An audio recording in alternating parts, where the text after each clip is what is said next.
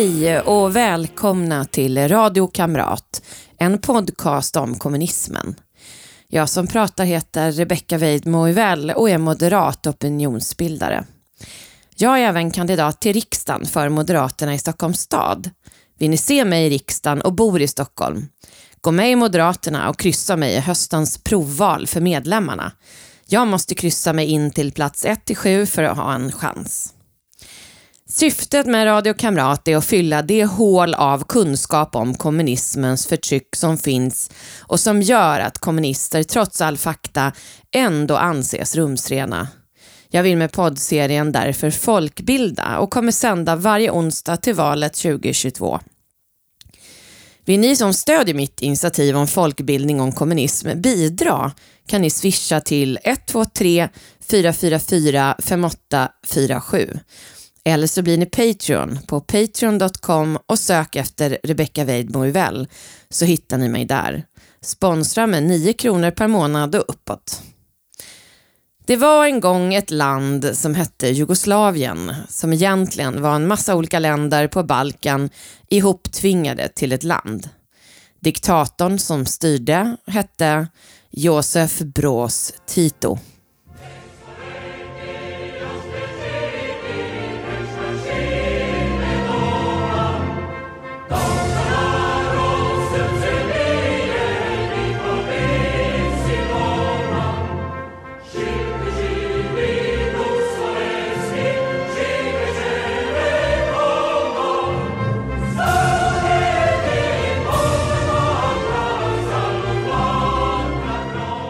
Slovenien, Kroatien och Serbien ingick i kejsardömet Österrike-Ungern som bildades 1867 och varade till första världskriget. Den sista kejsaren hette Frans Ferdinand. När han sköts till döds av Bosnien-serben Gavrilo Princip startade det första världskriget och det här ledde till att länderna i Balkan enades delvis. Officiellt hette den nya staten slovenernas, kroaternas och serbernas stat och varade till andra världskrigets slut 1945. Montenegro ingick också, de var då en del av Kroatien. Serbien hade redan tagit Makedonien tidigare och var självständigt. Statsbildningen drevs på av dem som ville se en stark självständig stat på Balkan för att undvika att länder där annekterades igen och givetvis skapa ett starkare Serbien. De hade 45 procent av befolkningen på Balkan och Kroatien hade 24 procent. 1929 bytte de namn till kungariket Jugoslavien. Då hade den nya staten haft problem från start med demokratin som slutade i skjutningar inne i parlamentet då flera ledamöter dödades. Motsättningarna var starkast mellan kroater och serber. Kungen tog då makten, upplöste parlamentet och införde en enväldig monarki. Det var fortfarande val, men kungen fick utse hälften av ledamöterna.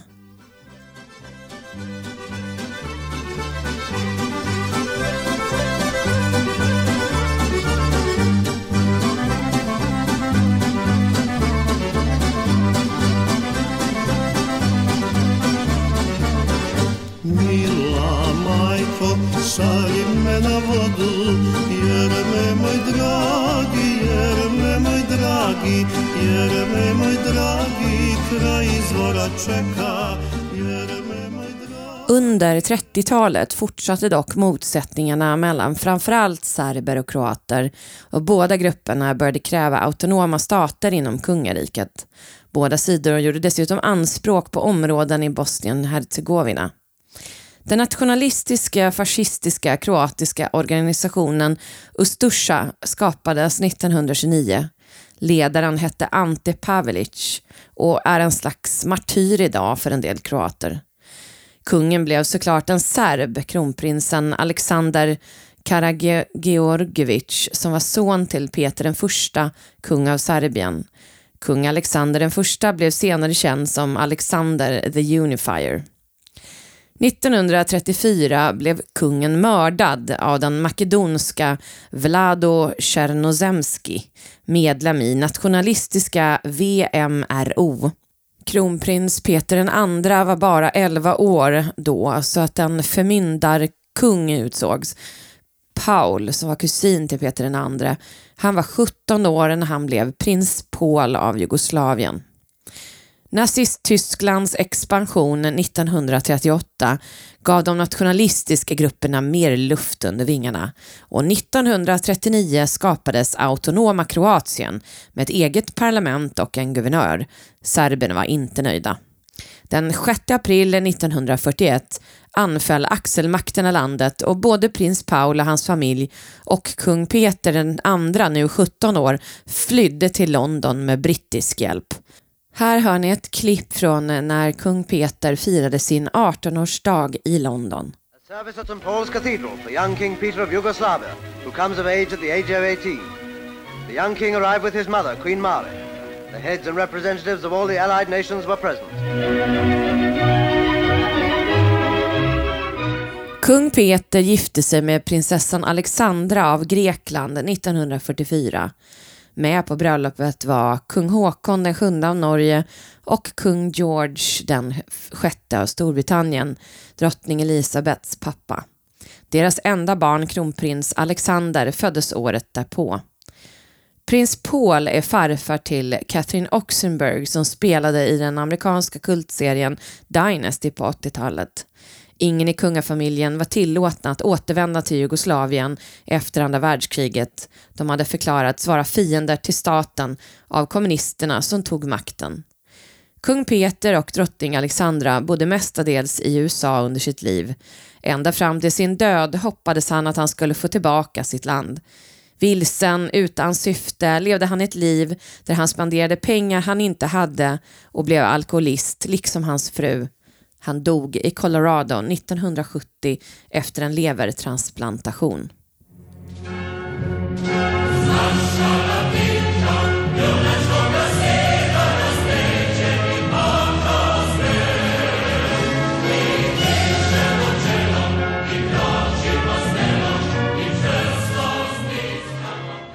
Han föddes som Josip Broz den 7 maj 1892 i byn Kumrovec i Kroatien.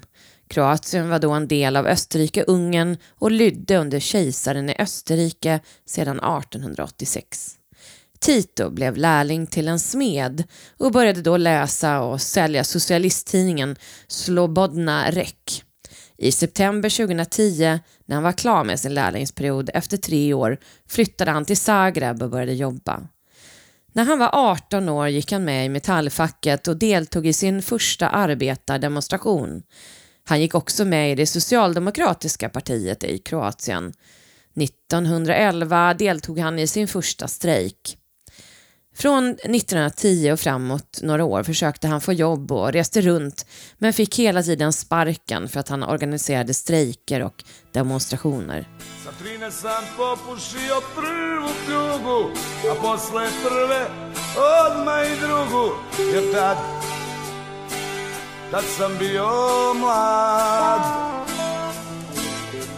14 sam popio prvo pivo, a posle piva sam pio sve živo, jer tad, tad sam bio mlad. Kad dobijem matine nisam kukao, bio sam tučen i ja sam tukao, jer tad, tad sam bio mlad. Jer tad,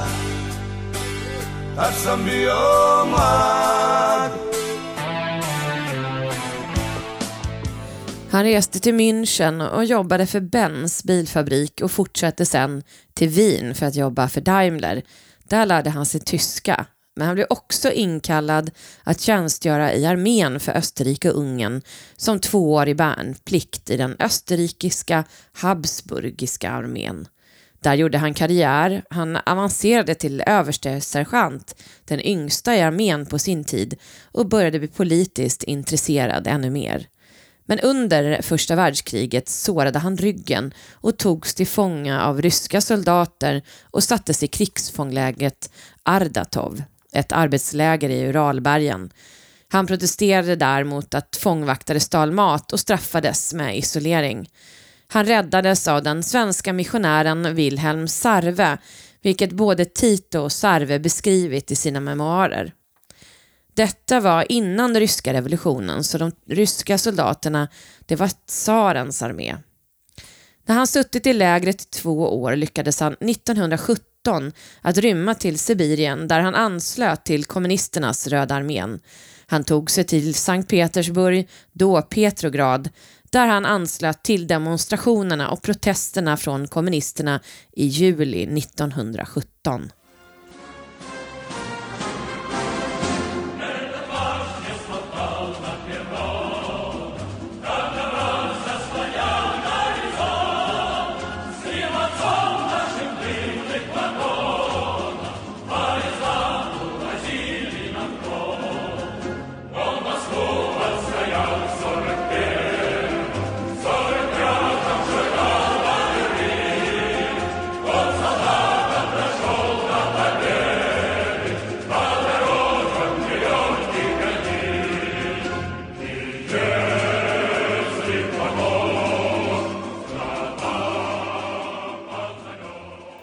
Han flydde för att undkomma att bli fängslad och sökte sig mot den finska gränsen för att ta sig till USA men fångades på vägen av ryska soldater. När de insåg att han var på flykt från ett tidigare straff i krigsfånglägret skickades han med tåg tillbaka till Sibirien men tåget stannades på vägen i Omsk av bolsjeviker som berättade att Lenin tagit kontrollen över Petrograd och han anställdes därför att vakta Transsibiriska järnvägen åt bolsjevikerna i den internationella röda vaktstyrkan.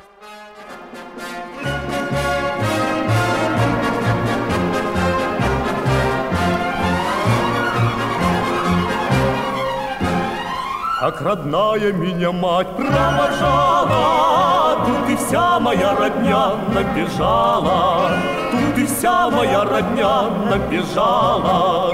А куда ж ты, паренек, а куда ты?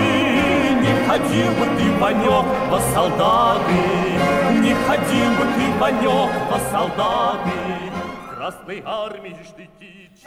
1920 gifte han sig med den lokala ryska flickan Polka Belousova. Hon var bara 15 år, han var 27. De återvände samma år hem till Jugoslavien, men han var oförmögen att få ett jobb som metallarbetare, utan började istället arbeta som servitör i Zagreb. Det var där han gick med i det kommunistiska partiet CPY. Kommunisternas inflytande ökade snabbt och i valet 1920 blev de tredje största parti med 59 platser i riksdagen. Men efter mordet på inrikesminister Milorad Draskovic av en ung kommunist förbjöds partiet 1921. Eftersom Tito var öppet kommunist sparkades han då från sitt jobb så han flyttade igen och började arbeta vid en kvarn. Efter att ledningen för partiet fängslats 1927 kontaktades han av Stevo Sabic som tagit kontroll och erbjöds att arbeta illegalt för partiet, dela ut flygblad och agitera bland fabriksarbetare, precis det han gjort tidigare i sitt liv. Precis som i alla kommunistiska partier började partiet få två fraktioner vid den här tiden. En som ville föra en våldsam revolution och en annan som ville arbeta mer reformistiskt. Tito tillhörde den första falangen. 1924 valdes han till CPYs distriktskommitté. Eh, 1925 bytte kvarnen ägare som han arbetade på och den nya ägaren gav honom ett ultimatum. Sluta arbeta med kommunistiska partiet eller få sparken. Han fick sparken, igen. Då blev han revolutionär på heltid.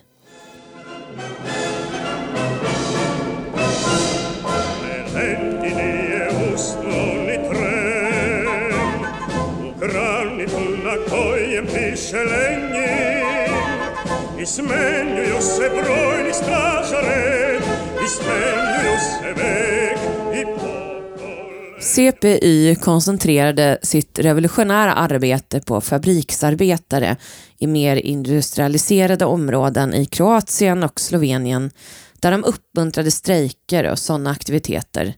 1925 flyttade Tito igen, denna gång till den adriatiska kusten, där han började arbeta på ett varv.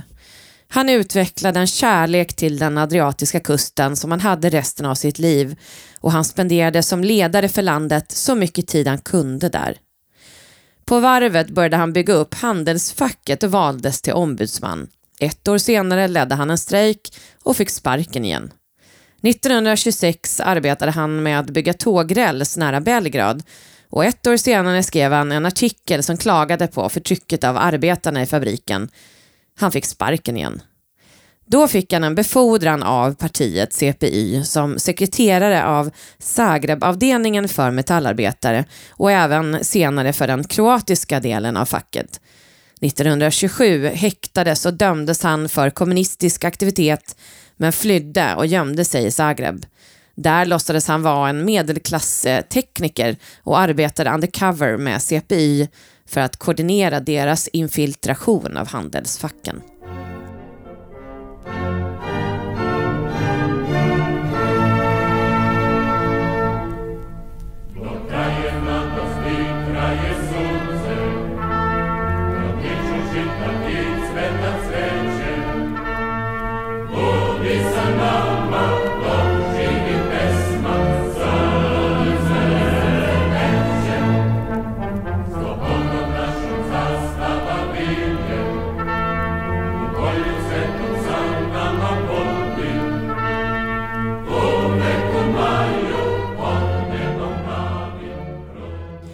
Februari 1928 var han en av ombuden på kongressen för den kroatiska delen av CPY och han fördömde där de fraktioner av partiet som förespråkade en serbisk agenda inom Jugoslavien, liksom ledaren serben Sima Markovic.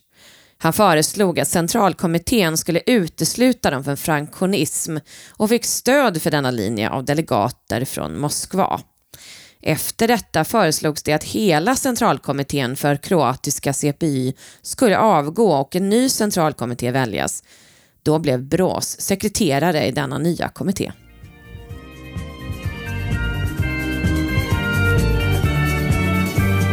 Četrdeset godina kroz borbu Kompartija punim sjajem blista Pretvođena idejom i dijelom prekaljenog vođe komunista.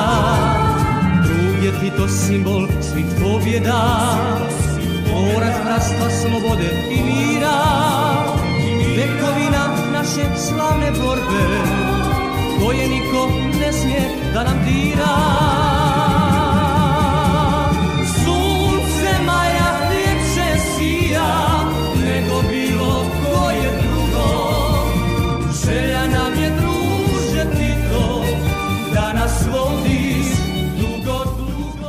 Titos liv präglades, som ni har hört, av få jobb, agitera, strejka, få sparken och upprepa. Och han åkte också ut och in i fängelset.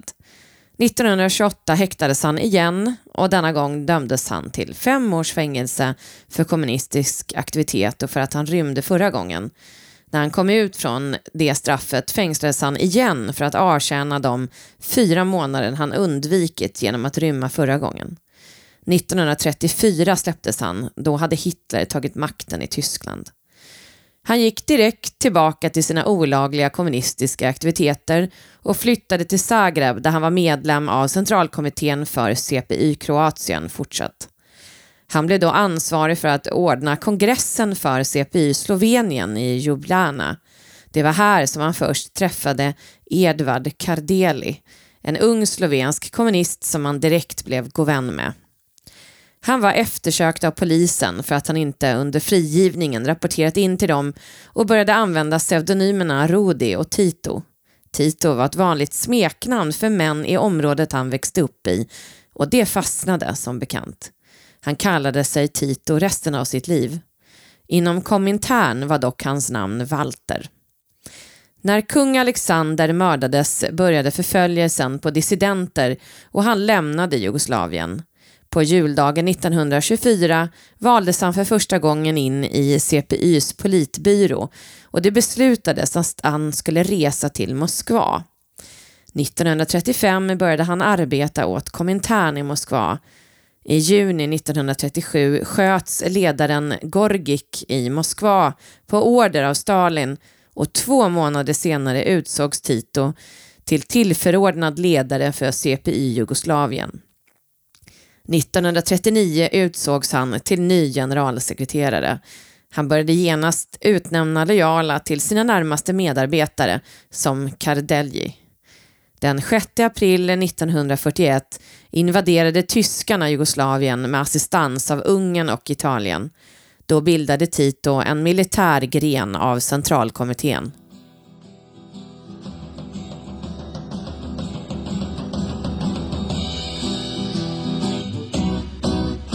Oh, mama.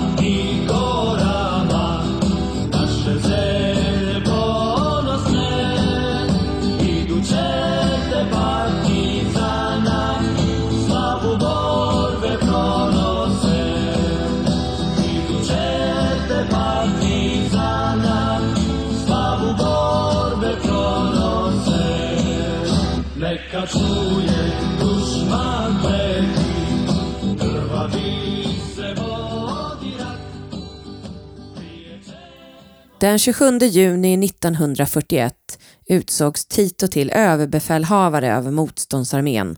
Han reste med sina rebellgrupper ut på landsbygden och i december samma år bildade partisanerna första proletariatets brigad.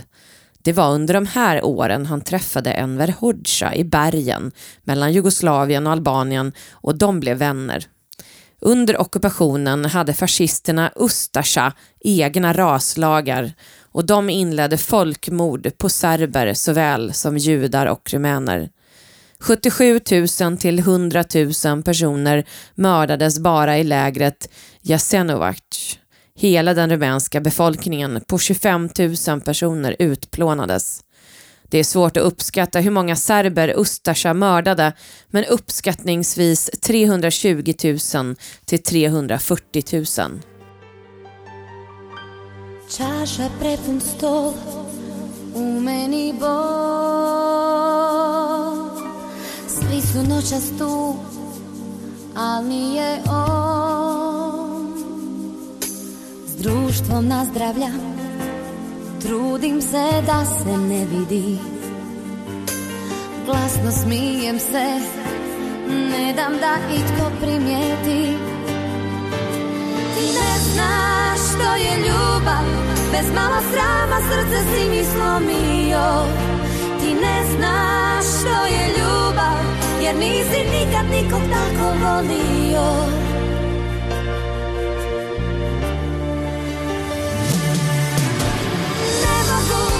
više ne mogu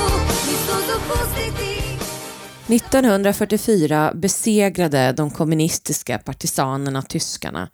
Tito blev då en slags nationalhjälte som befriat landet från nazisterna och han kunde lätt ta makten. Här hör ni honom tala 1945. U vreme tršćanske krize maj i jun 1945. godine u svom govoru u Ljubljani Tito je rekao Drugovi i drugarice, naš narod, naši narodi u Jugoslaviji, svi Srba, sve razlike, bili Slovenci, Srbi, Hrvati, Crnogorci, Makedonci, Posarci, Hercegovci, svi skupa su patili Direkt efter segern beslutade Tito och ledningen att utvisa samtliga tyskar, även de som bott där innan kriget. Alla tyskar skulle ut. Man förstatligade dessutom samtliga egendomar ägda av tyskar oavsett vad det var. Tyskland försökte evakuera men sent 1944 var det fortfarande 150 000 tyskar kvar i partisankontrollerade områden. Tito satte då upp över 40 koncentrationsläger. 46 000 dog där. Tyska soldater, kvinnor, barn och gamla och även kroater började fly mot gränsen till Österrike och staden Bleiburg där de slog läger. Men britterna som hade kontroll över området vägrade låta dem gå in i Österrike och beslutade att förhandla med partisanerna om att de skulle behandlas väl. Dagen efter det avtalet började Titos styrkor skjuta. Händelsen kallas Bleiburgmassakern Och så länge kommunisterna hade makten i Jugoslavien förnekade de händelsen. 2001 meddelade myndigheterna i Slovenien att man hittat massgravar med totalt 100 000 kroppar. разносится белый цвет, белый цвет, белый цвет. И на память мелодия просится прошлых лет, прошлых лет, прошлых лет. Но растаяли птичьими стаями Нашей песни простые слова Ты уходишь в огонь, Югославия Без меня, без меня, без меня Som alla diktatorer började Tito med att bygga upp en säkerhetspolis Myndigheten för folkets säkerhet, eller OZNA, som byggdes efter modell Tjeka. Han grundade också Folkets försvarsstyrkor av Jugoslavien, KNOJ, vars uttryckliga uppdrag var att döda Ustasja, tjetjener och andra antifolkliga gäng. OSNA var en autonom del av staten, en militär organisation som rapporterade direkt till överbefälhavare Tito. Den delades upp i fyra delar. Underrättelsetjänst, kontraspionage, försvarssäkerhet och statistik eller teknik. Underrättelsearbetet fokuserade på andra länder och ockuperade områden och rekryterade agenter att jobba utanför gränserna. Man samlade in information om utländska spioner och startade angiveriverksamhet. Den andra delen, kontraspionage, arbetade inom landet och skaffade sig informatörer som rapporterade om politiska grupper, förrädare och femtekolonnare, det vill säga ett mellan medborgarna uppbyggt angiverisystem. Fiender till folket inkluderade inte bara antikommunister utan bara personer som inte aktivt stödde kommunisterna, rika och förmögna, krigsfångar och kyrkans representanter oavsett religion. Man mördade folk utan rättegång, ibland även civila associerade med de anklagade. Man tror att 60 000 personer mördades efter kommunisterna tog makten 1944 av Osna och Knoj under perioden 44 till 1952 då verksamheten avvecklades. 17 000 filer på personer har hittats i deras arkiv. UDBA ersatte OZNA och bildades 1946. UDBA fanns ända till 1991.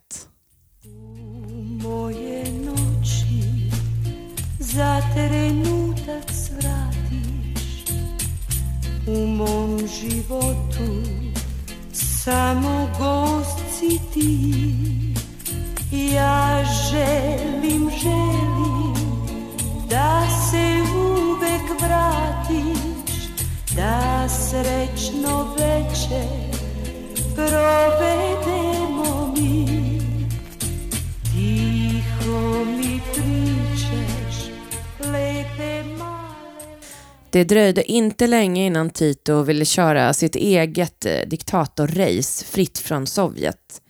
1948 började han reformera ekonomin efter eget huvud och inte efter Moskvas önskemål och irritationen började. 1949 eskalerade konflikten till den grad att ungerska och sovjetiska styrkor planerade att avsätta den upproriska ledaren och flera lönnmördare skickades men misslyckades. I juni 1949 uteslöts Jugoslavien från Komintern. Brytningen var fullständig. Tito började leta efter interna fiender i de egna leden och förföljelsen av de egna började. Påstådda stalinister fängslades men även medlemmar ur kommunistpartiet som hotade hans makt eller som misstänktes ens hysa den lilla sympati gentemot Sovjet. Denna period pågick ända till 1956.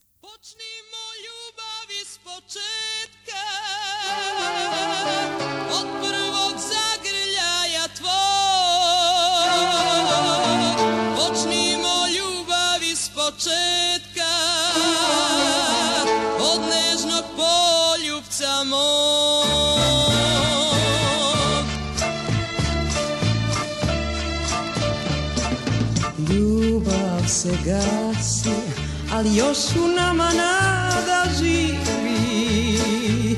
Ljubav se gasi, ti znaš da oboje smo krivi. Tiotusentals skickades till arbetsläger. Ett av de värsta var Goli Otok. Ön som kallas den nakna ön ligger utanför den kroatiska kusten och är obebodd. 1949 gjordes hela ön till ett fängelse. Ett topphemligt arbetsläger för politiska fångar. Totalt 18 000 upp till 30 000 skickades hit, cirka 4 000 dog. Fångarna tvingades arbeta bland annat i ett stenbrott oavsett väder. På sommaren kan det bli 40 grader och på vintern är vindarna kalla och hårda. Det kan bli minusgrader. Fängelset styrdes helt av fångar och detta skapade ett system av våld, förtryck och sadism där djungens lag rådde. Goli Otok har kallats Gulag på havet. Folk dog av svält och tortyr, av utmattning, vätskebrist och värmeslag. Tortyren var bland annat waterboarding. De ställde tunga saker på fångarnas bröst när de tvingades ligga ner så att det blev nästan omöjligt att andas. Och fångar tvingades stå still i brännande sol mitt i sommaren. Straffen utfördes av före detta partikollegor, före detta vänner, grannar. Syftet var utbildning, vilket man skulle få genom hårt arbete och bestraffning.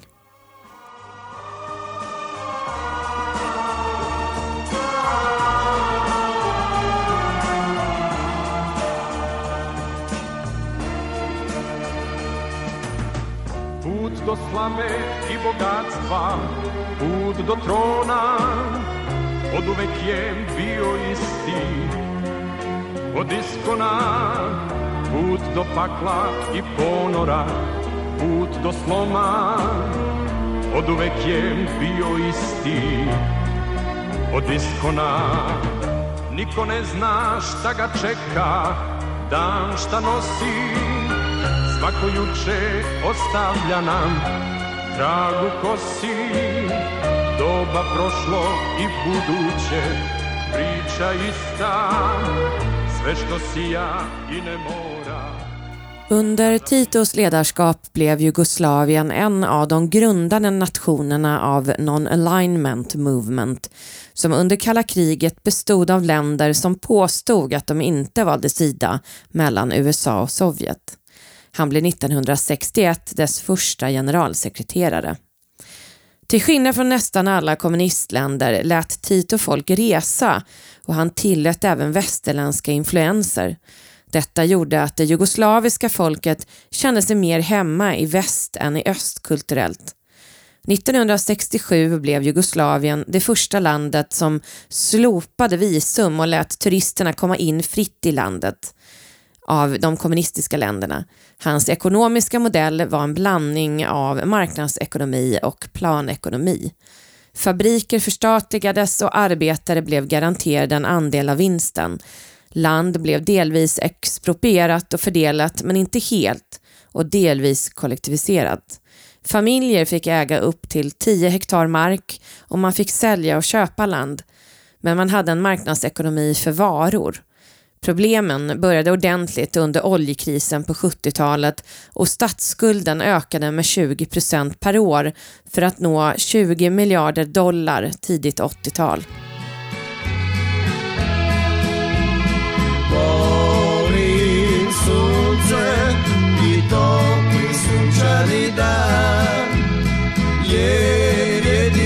Tada osjećam se sunca ja živim kao u snu Zaboravljam čak i boli i uspomene na nju Krisen förvärrades på 80-talet och halva exportintäkten gick åt för att betala lån. Reallönerna minskade med 20 procent per år. Arbetslösheten var 1,3 miljoner och i slutet av 1989 var inflationen 1000 procent. 1990 inleddes ett privatiseringsprogram där anställda erbjöds att köpa statliga företags aktier till rabatterat pris. Den 4 maj 1980 dog Josef Brås Tito på sjukhus i Ljubljana, 88 år gammal.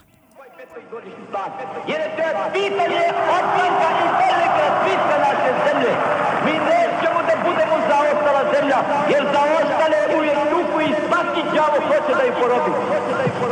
Jedna napredna zemlja, za visokom tehnikom, za socijalističkim uređenjem je snažna da ju nikakva sila ne može različiti.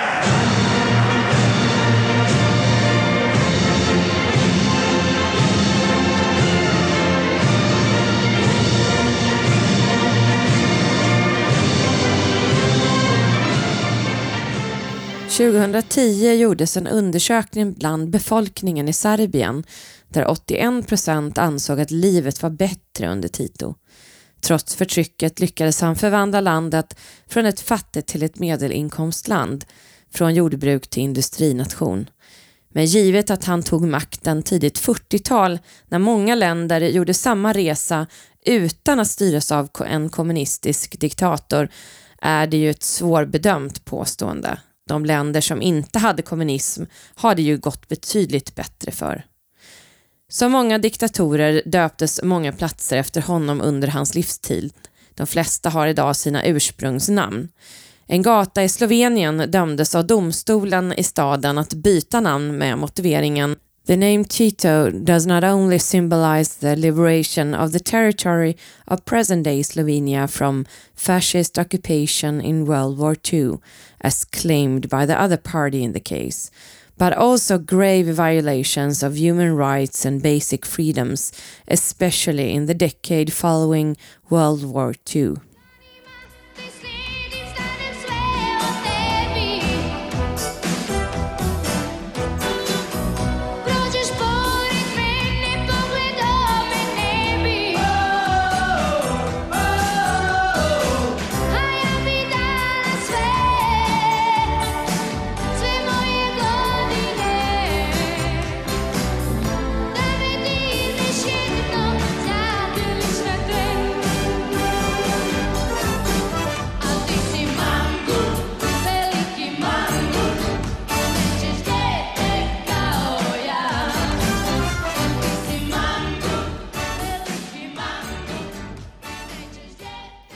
Han levde som alla diktatorer flott på folkets bekostnad och hade ett stort palats i Belgrad, Bele Dvor, det vita palatset. På Brijuniöarna hade han ett sommarresidens från 1949 som även inkluderade ett eget zoo. Ett annat residens byggdes vid sjön Bled. 1974 hade president Tito totalt tillskansat sig 32 mindre och större hus en yacht döpt till Måsen, en Boeing 747 och ett eget lyxtåg, Blåtåget.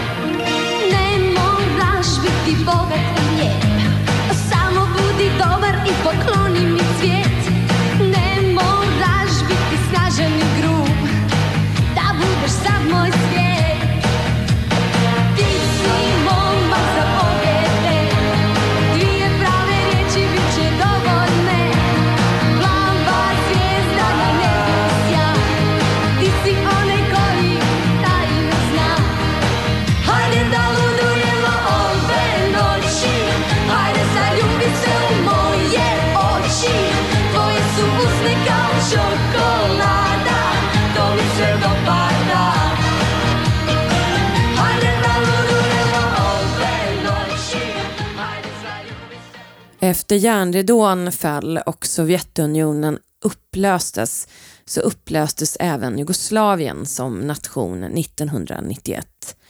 Då följde direkt en serie av inbördeskrig på Balkan som inte slutade förrän 2001. Nu vill jag bara tacka för att ni har lyssnat. Vill ni stödja mitt initiativ för folkbildning om kommunism kan ni bidra genom att bli Patreon. Sök efter Rebecka Weidmo väl och sponsra från 9 kronor per månad och uppåt. Glöm inte att prenumerera på podden så får du automatiskt alla nya avsnitt. Tack och på återseende.